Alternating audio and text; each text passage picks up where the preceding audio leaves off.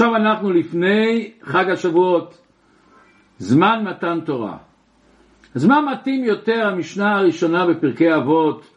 משה קיבל תורה מסיני ומסרה ליהושע, ויהושע לזקנים, וזקנים לנביאים, ונביאים לאנשי כנסת הגדולה. אבל פה יש כמה וכמה שאלות גדולות על המשנה הזאת. שאלה ראשונה שמיד כל אחד חושב, אנחנו כבר שוחחנו כמה פעמים שפרקי אבות זה דרך בעבודת השם. זה ענייני מידות, ולכן לומדים את זה מפסח עד לחג השבועות. שבע מידות. מה קשור ההיסטוריה הזאת שמשה קיבל תורה מסיני ומסרה ליהושע? למה? מה זה קשור לעבודת השם? עוד שאלה שכל אחד שם לב, מה זה משה קיבל תורה מסיני? מסיני הוא קיבל את התורה, הוא קיבל מהקדוש ברוך הוא. למה לא כתוב משה קיבל תורה מהקדוש ברוך הוא? ואם כבר אתה רוצה להגיד איפה, אז לא מסיני, רק בסיני. עוד שאלה מעניינת. בהתחלה המשנה מדברת משה קיבל. אז המשנה מתייחסת לזה שמקבל. ואחר כך פתאום אומרים הוא מסרה ליהושע, ויהושע לזקנים. למה לא כתוב בהתחלה הקדוש ברוך הוא מסר את התורה למשה? או שנשתמש במושג מסירה, או שמשתמש במושג לקבל. ובכלל, למה דווקא חמש מדרגות האלה? משה, יהושע, זקנים, נביאים, אנשי כנסת הגדולה.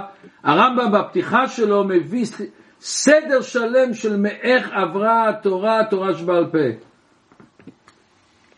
אנחנו דיברנו בשבועות האחרונים על כל השש מידות. חסד, גבורה, תפארת, נצח, הוד, יסוד. השבוע נתייחס למידת מלכות. וכאן אנחנו מיד חושבים, רגע, מלכות לא מגיע להיות הראשון? מלכות זה עוצמה, זה כוח, זה הנהגה. למה היא מידה אחרונה? אז יש לנו את הכלל נעוץ תחילתן בסופם. זה שמידת מלכות היא הכי למטה, בעצם זה מגלה לנו שהשורש שלה הוא הכי למעלה, ולכן היא יכולה לרדת למטה מטה מטה. מה זה פרקטיקה? איך זה בפרקטיקה? למעלה? ואיפה יורד? למטה מלכות?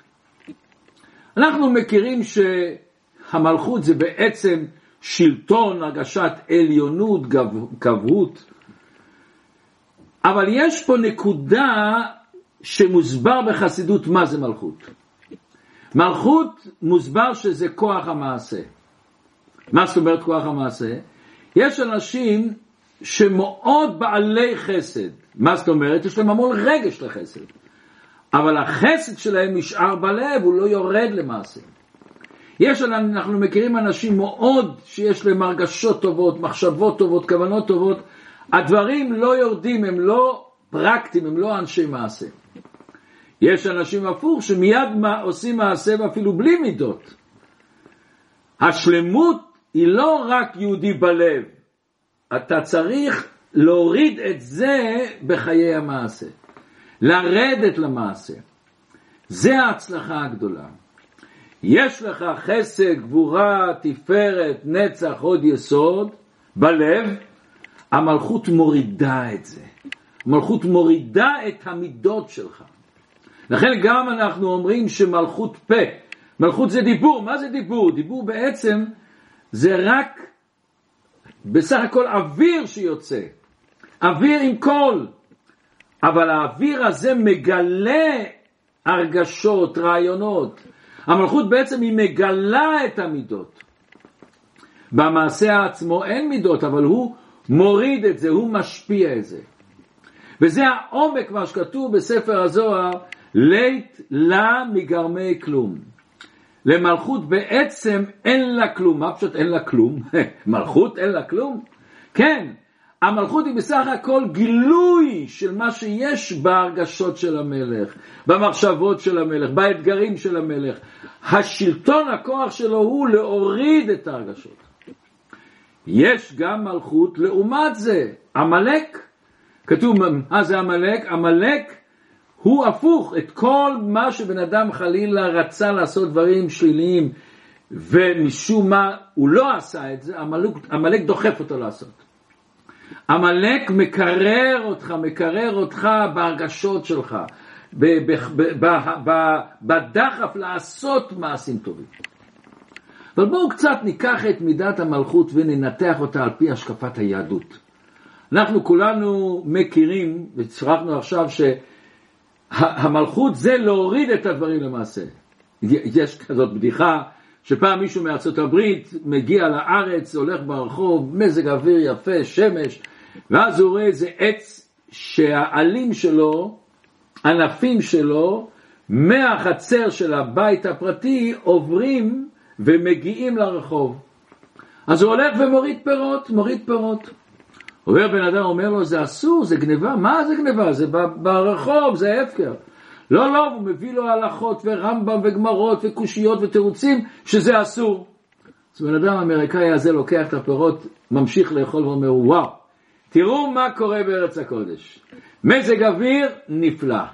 הפירות מתוקים מדבש, ועוד שומעים דברי תורה כשאוכלים את זה. אז בואו נראה בעצם מה הפנימיות של מלכות. וזה בדיוק הפוך מכל ההשקפה של העולם.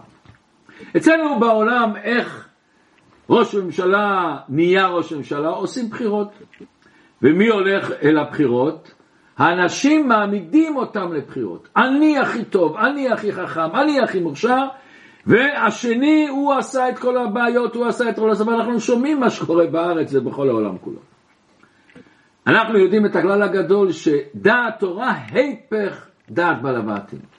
בואו נקרא קטע קטן מספר מלכים ונבין את הפנימיות של מלכות על פי היהדות. שלמה המלך, האיש החכם מכל האדם, נפטר. יש לו בן, רחבעם, ואז בני ישראל באים לרחבעם להכתיר אותו למלך. ואז הם אומרים לו, אביך הקשה את עולנו, ואתה הקל מעבודת אביך. מה הפירוש? שלמה המלך הרי עשה פרויקטים עצומים, הוא בנה את בית המקדש, הוא עשה דברים עצומים, כל העולם באו. אז הוא שם על עם ישראל מיסים, מיסים בשביל להגדיל את עם ישראל. אבל הם אומרים כבר, משה רבינו עשה את זה כבר, אנחנו מבקשים ממך עכשיו להוריד מהמיסים. ויאמר עליהם רחבעם, לכו, תלכו שלושה ימים ושובו אליי. ומלכו. ואז הוא לקח את היועצים הזקנים שהיו עומדים לפני שלמה המלך, והוא מתייעץ איתם מה להגיד לעם. תשמעו מה שהם אומרים, מילים לא נורמליות. ויאמרו אליו, וידברו אליו, אם היום תהיה עבד לעם הזה, ועבדתם, ודיברת עליהם דברים טובים, והיו לך עבדים כל הימים. הוא שומע שמה? שאתה תהיה עבד לעם, תעשה מה שהם רוצים, תדבר עליהם דברים טובים, ואז תראה הם יהיו עבדים לך. זה לא מצא חן בעיניו, אז הוא הלך לילדים שעמדו לפניו, לא החכמים הגדולים. והם אמרו לו, מה? הפוך. אתה תגיד להם, עד עכשיו שלמה המלך עשה לכם כאלה וכאלה מיסים, אני אשים עוד יותר מיסים. והוא אמר מילים קשות קשות שצריכים לקרוא בתוך הספר מלכים נורא ואיום. זאת אומרת, מלכות ביהדות זה שהמלך, כל הרצונות שלו, כל המהות שלו, כל התשוקות שלו, זה רק בשביל העם. אין אגו. הרי אותו דוד המלך שאנחנו מכירים היו, היה ענב מכל אדם, לא חלמו שהוא יהיה מלך. את המלכים תמיד, הם לא דחפו את עצמם, אני המלך, הפוך, הם היו, לא רצו להיות המלוכה. בתוך תוכם הם היה ביטול עצום. תשמעו עוד גמרא, מסכת הוריות בדף י', אומרת הגמרא שהיה רבי אלעזר ורבי יוחנן גדולי ישראל. ורבן גמליאל הזמין אותם להיות ראש ישיבה אצלו. והם לא באו. חזר ושלח, הוא שלח עוד פעם ובאו. אמר להם כמדומני שאתם חושבים ששררה אני נותן לכם, אתם מרגישים שזה שלטון, תהיו ראשי ישיבה. עבדות אני נותן לכם. זה מה שאמרו הזקנים החכמים שהיו אצל שלמה המלך, אתה תהיה עבד לעם, תחשוב על הרצון שלהם, על מה שהם צריכים, ואז הם יעריכו אותך, ואז הם יהיו עבד לך. זאת אומרת, הם מעריכים את המלך, לא את הבן אדם, את השליחות שלו, את התפקיד שלו, את הביטול שלו לעם. את, ה, את הביטול לגמרי לגמרי לעם, לגמרי כל המטרה שלו זה רק בשביל העם. ואת כל החיים שלו הוא נותן בשביל העם. בואו נראה דבר מעניין. אם שואלים בן אדם, מי היה המלך הראשון? המלך הראשון שבעם ישראל. המלך הראשון היה משה רבנו, כתוב ב... ויקרא רבה, ויהי בשורון מלך, זה משה. הרמב"ם בפרק ב' מלכות בית הבחירה כותב, משה רבנו מלך היה. פלא פלאים, מל, משה מצד אחד היה ענב מכל האדם על פני האדמה. משה רבנו שהקדוש ברוך הוא אומר לו לך לגאול את עם ישראל, הוא לא רוצה, הוא לא רוצה לגאול את עם ישראל בכלל.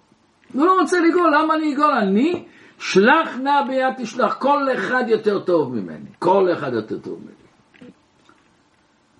דווקא הוא היה המלך. עכשיו תראו איזה יופי. מצד אחד הוא בטל לגמרי, הוא לא רוצה, אבל כשיש לו את הבעיה עם קורח, מצד אחד הוא הולך לדתם ואבירם ורוצה להשלים איתם ומוריד את הכבוד שלו ומבזה אותו, כולם אומרים לו אל תלך אליהם, הם בעלי מחלוקת, הוא הלך אליהם. אבל מצד שני שזה בא והוא ראה שאין ברירה, הוא אמר בוקר וידע השם בוא נעשה בחינה מי הוא האמיתי. ואנחנו יודעים מה שקרה עם קורח וכל כל עדתו, נקברו באדמה. זה מלכות אמיתית. זה הגדלות, הגדלות. וזה היה אצל דוד המלך. וזה היה אצל כל כל המלכים האמיתיים שבעם ישראל, שבתוך תוכם, אומר הרמב"ם, הם היו שפל רוח מאוד. מה נתן להם את העוצמה? הרצון לעזור לעם ישראל, ואז בשביל זה אני צריך את המלכות. אנחנו מכירים, כל בן אדם צריך לדעת מה המידות שלו. למה המידות זה הכלים שיש לך, כמו שאישה יודעת במטבח שיש לה מיקסר, יש לה סכינים, יש לה תנור, יש לה כל מיני דברים, יש לה מסננת, היא יודעת כל פעם ממה אני משתמש. ילד קטן, תראו דבר מעניין, שנותנים לו פטיש ביד, או מברזל או מפלסטיק, כל דבר הוא רואה שזה מסמר. דופק פה, דופק פה, דופק פה, דופק פה. מידות שיש לי מידת החסד נגיד, אז בכל דבר אני רואה איך אני עושה חסד. כשיש לי מידת הגבורה, כל דבר אני מסתכל את הביקורת שיש לי. או בכל דבר אני עוצר את עצמי. איך אני יכול לקבל את המידות? זה מידת מלכות. מידת מלכות, מכיוון שמלכות לית לה מגרמי כלום, היא בעצם רק כלי לקבל את המידות. כשאין לך את האגו ואתה רוצה לראות מה הדבר הנכון שאתה צריך, מה הדבר האמיתי שאתה צריך, מה מתאים במצב הזה בשביל הדבר, לא בשביל האגו שלי. את האגו שלי אני צריך בצד לגמרי. דווקא הביטול הזה של מלכות יש לו עוצמה עצומה. אני יכול לשלוט על המידות, אני יכול לכוון את המידות. וזה בעצם העוצמה של מלכות שהוא רואה את כל דבר לפי העניין האמיתי שלו. בואו אני אספר לכם סיפור מרגש מאוד, מאוד מרגש. סיפור שפותח לנו את החיים. לפני שנים בא יהודי, נדמה לי מפרו, בן אדם עשיר גדול שאסף, נדמה לי 100 מיליון דולר, שם את זה באגרות חוב, ורצה מהריבית לעזור לעם ישראל. ואז הוא שואל את הרבה על מה להשקיע. הוא רצה בארץ ישראל להשקיע וכל מיני דברים. והרבא אומר לו, לדעתי הדבר הכי חשוב זה חינוך. חינוך זה הבסיס של עם ישראל, זה היסוד של עם ישראל. והוא לא הסכים עם הרבא. 19 שנה הוא לא, הוא לא היה אצל הרבא, הרבא לא ראה אותו, הוא לא ראה את הרבא. מאז תתארו כמה עברו אצל הרבא, אתם יודעים, כל יום ראשון וחמישי אלפי אנשים עמדו בשורה ברבא חלק גדולה. ואז הבת שלו התחילה לחזור בתשובה, והבת שלו מבקשת, אבא, אני רוצה לעבור אצל הרבא לקבל דולר. הוא מגיע. עומד בשורה כמו כולם, לא... כמו כולם. בא, הוא מגיע לרבה ורבה מביא לו דולר, לבת שלו דולר, ורואים בווידאו הרבה מתחיל לדבר איתו בדיוק במקום שהוא גמר לדבר איתו לפני 19 שנה. וואו. ואז רואים את הבן אדם הזה כזה גבוה, מתרגש, מרים את הידיים ואומר, רבה, you are amazing, you are amazing, רבה. אתה מדהים. מה אנחנו היינו אומרים אם מישהו אומר לנו, אתה מדהים? או היינו מסמיקים, או היינו אומרים, אל תגזים, או היינו אומרים, גם אתה מדהים, וממשיכים הלאה כמו לא קרה שום דבר. מה הרב אומר? ספונטני, זה בעצם שלו, במהות שלו. רב אומר, אני לא אומר את המילים, רק את התוכן אומר לו הרב. אם אני מדהים, מה יש לעולם מזה שאני מדהים? מה יש לקדוש ברוך הוא מזה שאני מדהים? מה יש לעם ישראל מזה שאני מדהים? הרב לוקח את, הוא, הוא, הוא, מאשר שהוא מדהים. אדם צריך להיות מודע לכוחות שלו. אבל אל תיקח עליהם קרדיט, זה מחייב אותך. אם יש לך עושר שכלי, עושר רגשי, חוש מסוים, יש לך כסף, יש לך חוש להבין אנשים, יש לך חוש לעזור לאנשים. אתה מדהים בתחום מסוים, כל אחד יש לו תחום מסוים שהוא מדהים. מה יש לעולם מזה? לא, אל תגיד, אני בעל חסד, וואו, אני יכול להבין אנשים. כמה לכמה אנשים עזרת ריבונו של עולם. זה מלך. מלך יודע את העוצמה שלו, אבל הוא מרגיש שהכל זה מתנה מהקדוש ברוך הוא. זה מחייב אותי.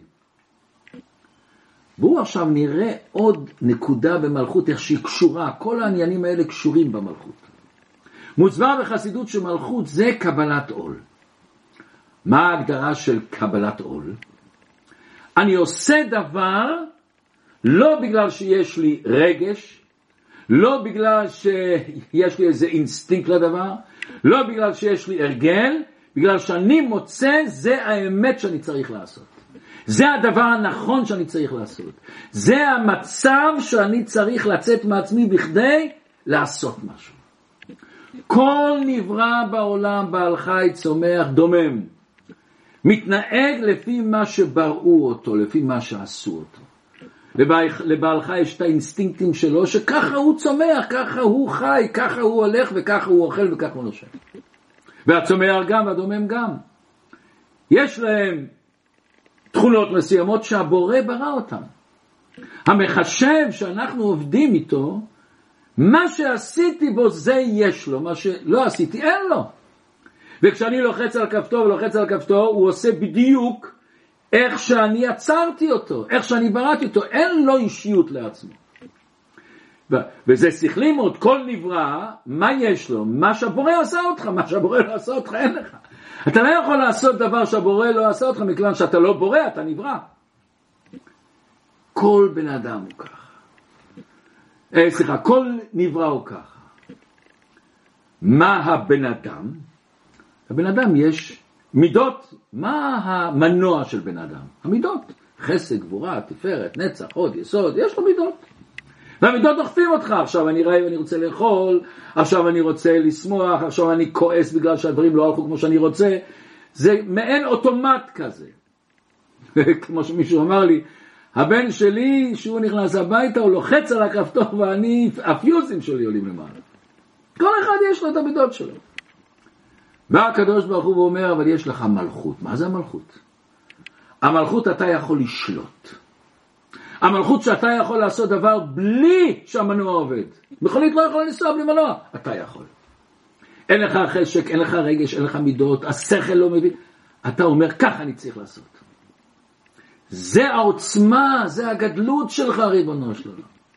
שאתה יכול ליצור בן אדם חדש.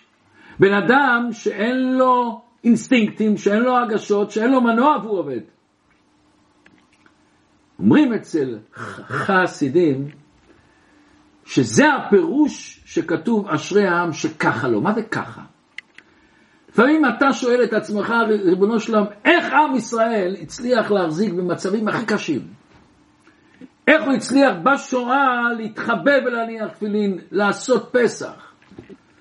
איך בחג השבועות הם יכלו לרקוד בשקט, בשקט, בשקט. איך? איך ריבונו שלנו? אשרי העם, ככה לא, ככה אני עושה. ככה הקדוש ברוך הוא רוצה, ככה אני עושה. אספר לכם סיפור נפלא. לפני כמה שנים היה לנו כאן משפחה שהתחילו להתקרב, אבל שבת היה מאוד קשה.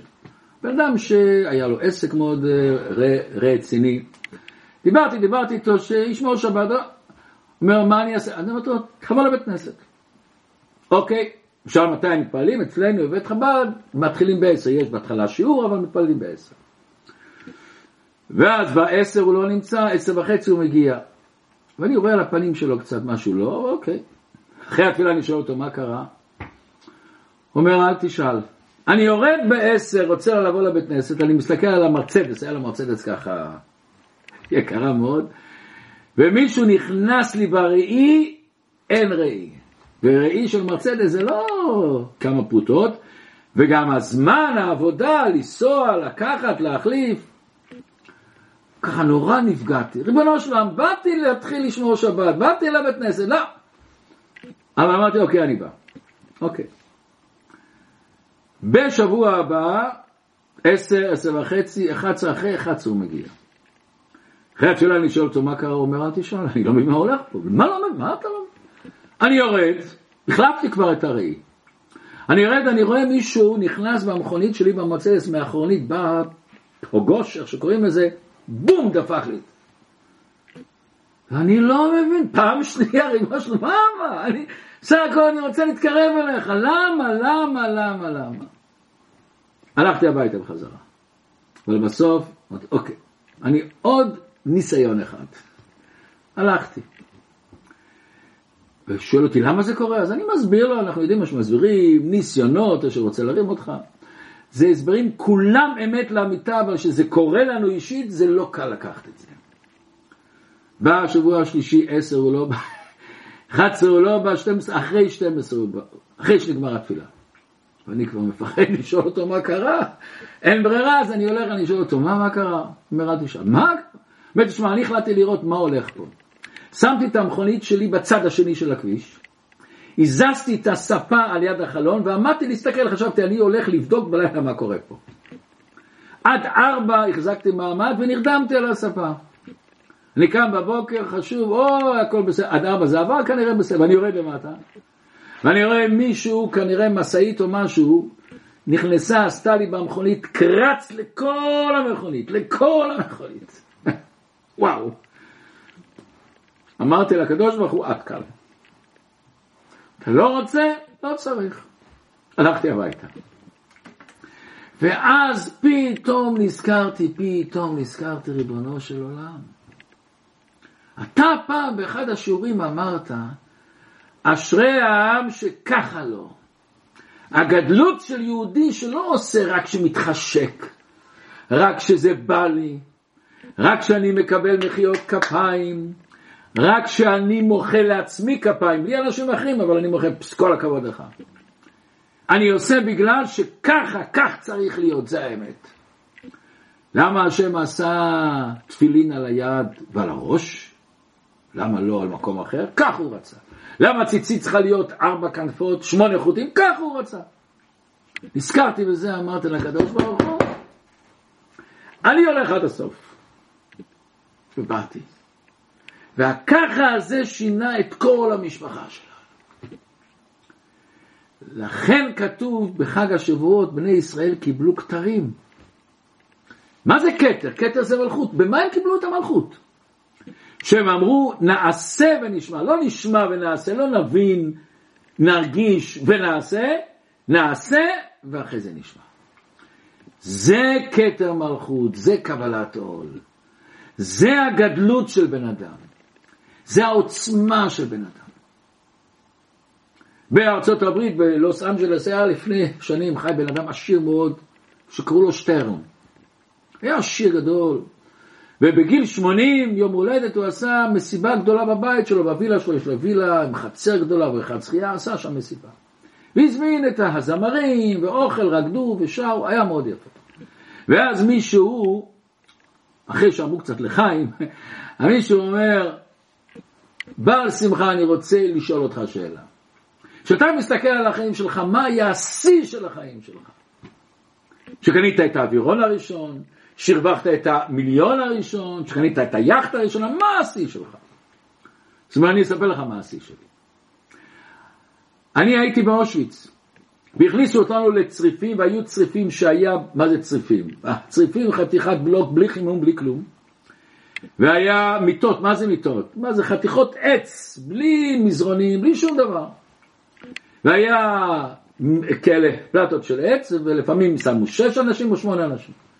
והנאצים מאוד פחדו שהיהודים יתמרדו. אז הם ניסו לעשות הכל שיהיה בין היהודים מחלוקות, סכסוכים ביניהם, שיריבו, שלא יהיה להם ראש, שלא יהיה להם את האחדות להתמרד. אז מה הם עשו? הם הכניסו בכל, בכל כזה פלטה של עץ שש אנשים, ולאחד הם נתנו שמיכה, שיריבו, שיסתכסכו. ואנחנו נכנסים לצריד, לצריד כבקרת רועד, רואה, הם סופרים 1, 2, 3, 4, 5, 6 אני הייתי, קיבלתי את השמיכה. ואני עולה על העץ הזה, ובתוך הלב נהיה לי מלחמת העולם השלישית. מה? לתת או לא לתת, לפתוח או לא לפתוח. ובראש שלי הרי כתוב, חייך קודמים לחיי חברך, השמיכה זה לא סתם לוקסוס, זה חיים, קור כלבים שם. אבל מצד שני, מה, צריכים לתת? לא, מה? בסוף אמרתי, ממשיכים עד הסוף, פתחתי את השמיכה. ואתה שואל אותי, מה השיא? זה השיא שלי, זה השיא שלי. מה היה פה בשיא הזה? מה, מה הוא מצא במעשה הזה? מעשה יפה, חס שלום, אני לא אומר, מעשה נפלא. אבל מה אז הוא נתן הרבה צדקה והוא גם עזר לאנשים? מה, מה, מה הוא ראה פה? הוא הרגיש פה את גלי המלכות שלי. להיות משהו לא נורמלי. ללכת נגד האדם שלי, נגד המהות שלי, נגד המידות שלי. להתעלות, להתעלות על עצמי. אה, פה אתה גאה. אתה פתאום נהיית חלק מבורא. נברא לא מסוגל לעשות את זה, אבל יש לך חלק אלוקה ממעלה ממש. אז הבן אדם לא גאה מעצמו שהוא אכל פעם ארוחה טובה, שאפילו הוא הרוויח הרבה כסף. זה הרבה הרבה יותר שאתה פתאום מגלה בך כוחות עצומים שאתה מעליך. זה מלכות. לכן כתוב שמלכות משתלשלת מכתר מלכות. מישהו פעם שאל איזה רב, תגיד לי, מה אני ארוויח אם אני אשים תפילין? מה אני ארוויח, מה, איזה פרס אני אקבל שאני אתעטף בציצית?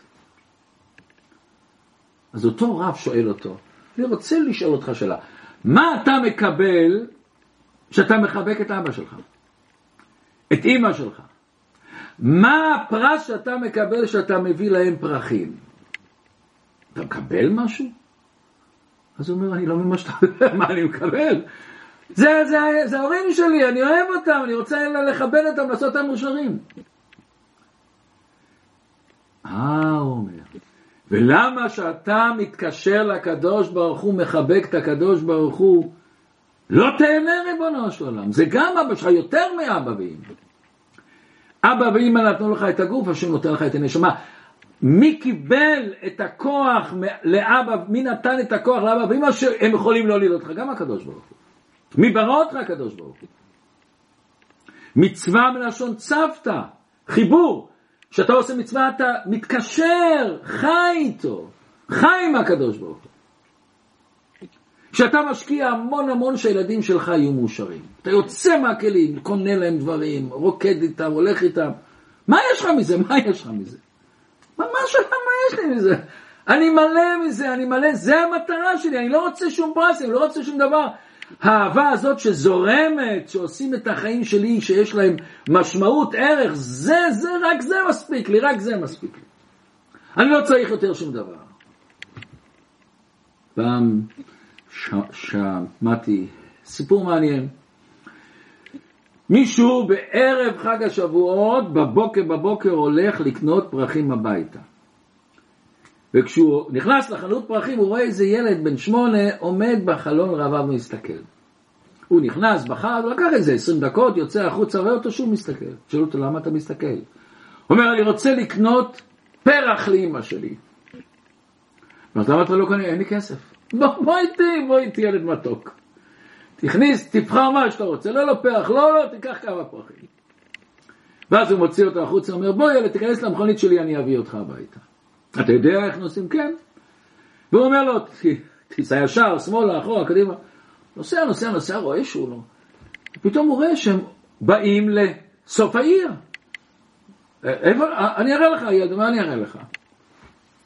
נוסעים, נוסעים, נוסעים, מגיעים לבית קברות. האסימון נפל. ואז הילד אומר, פה, פה אימא.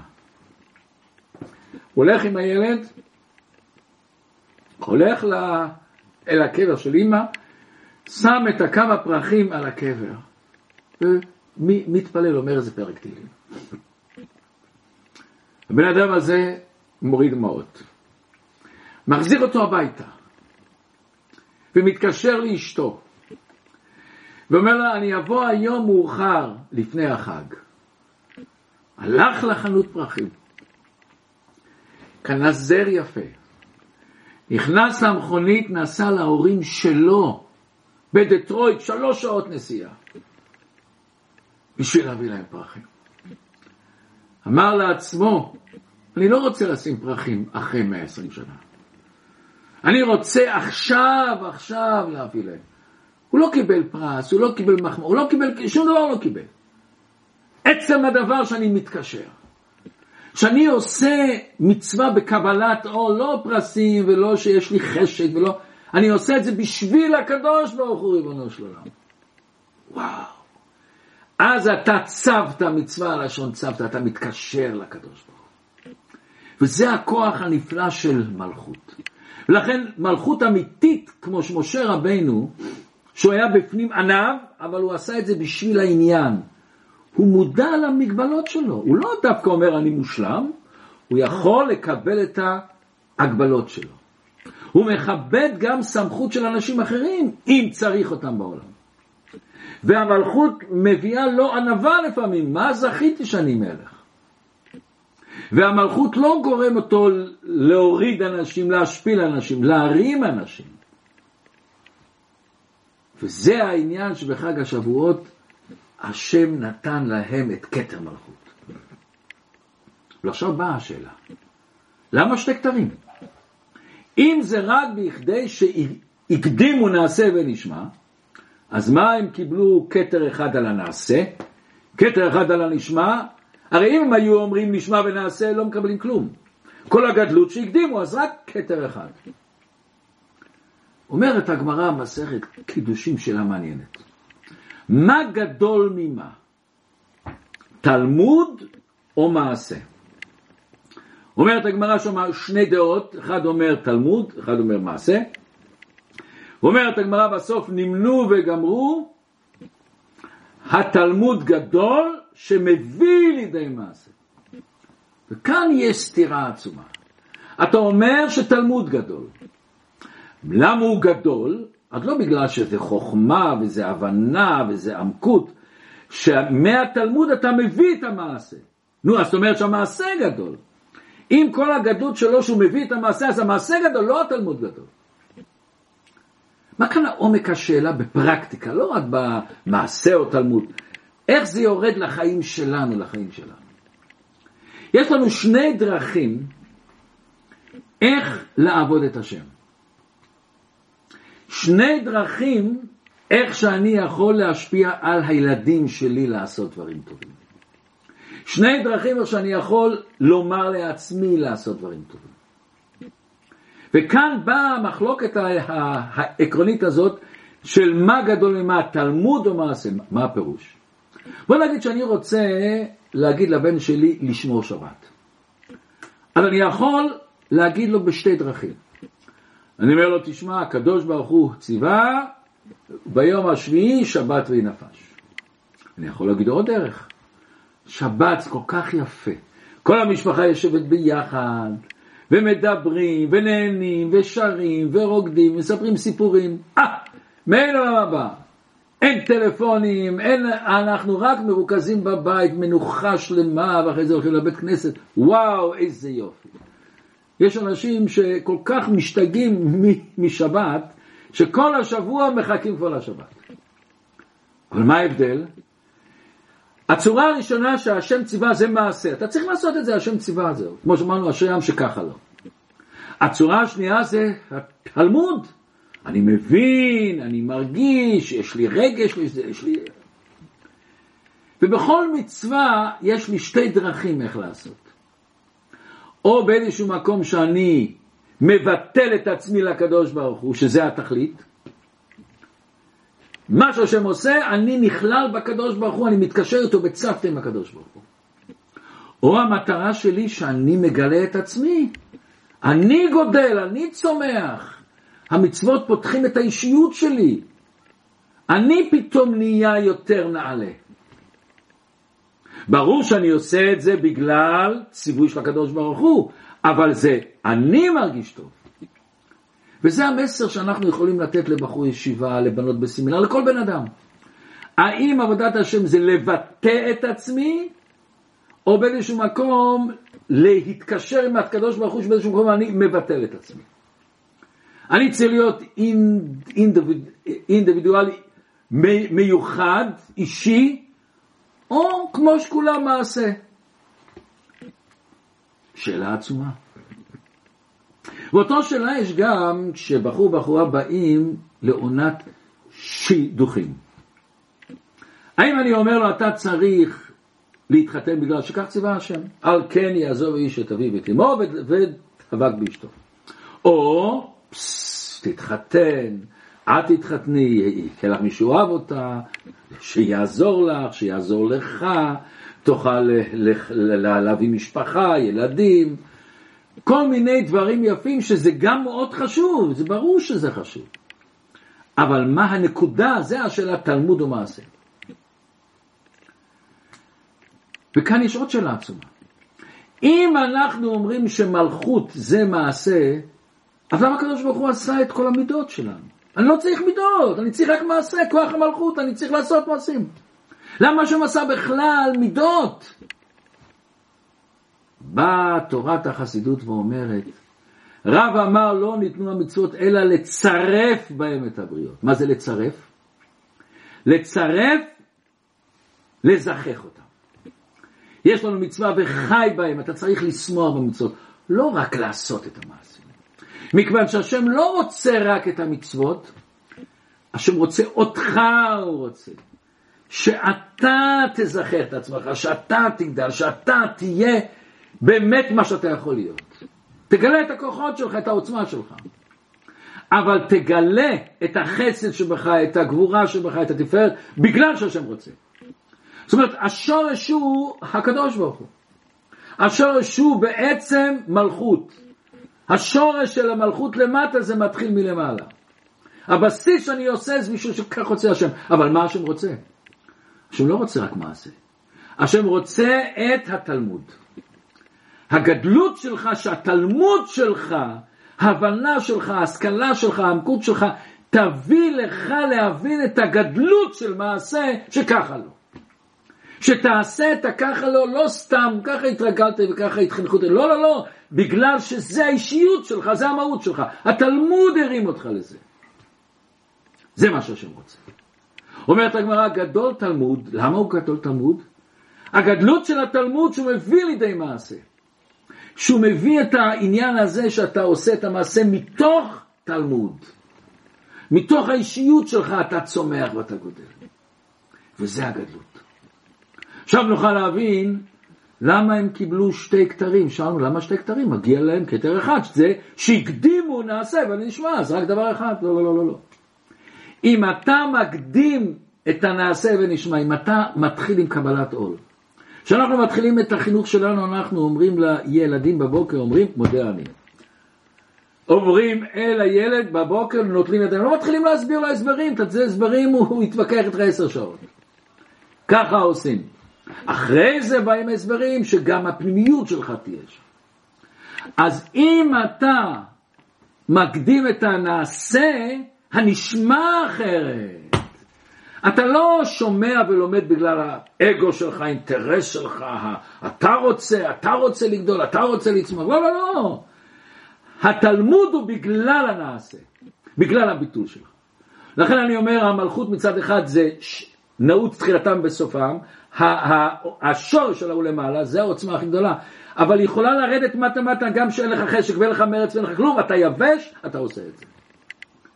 ולכן צריך תמיד את הצירוף הזה.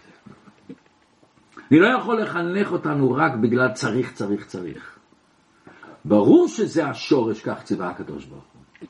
אבל אתה צריך את הרגש.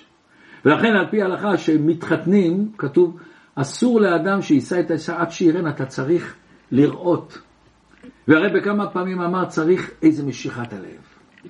זה לא סתם צריך להתחתן, אוקיי, אני לוקח איזה אישה ואני מתחתן, זה לא הולך ככה. אתה צריך שבחתונה גם הרגש שלך ייכנס בפנים. אוהבה כגופו ומכבדה יותר מגופו. אתה צריך גם את הקשר הפנימי העמוק הזה, אתה צריך. למה? זה הרצון של הקדוש ברוך הוא. אז בעצם דיברנו על כל המידות, וזה הסוף של המידות, זה המלכות שהוא בעצם ההתחלה. שהשם ייתן לכולנו את העוצמה הזאת, לזכח את המידות, ושהמלכות תהיה אצלנו בעוצמה גדולה.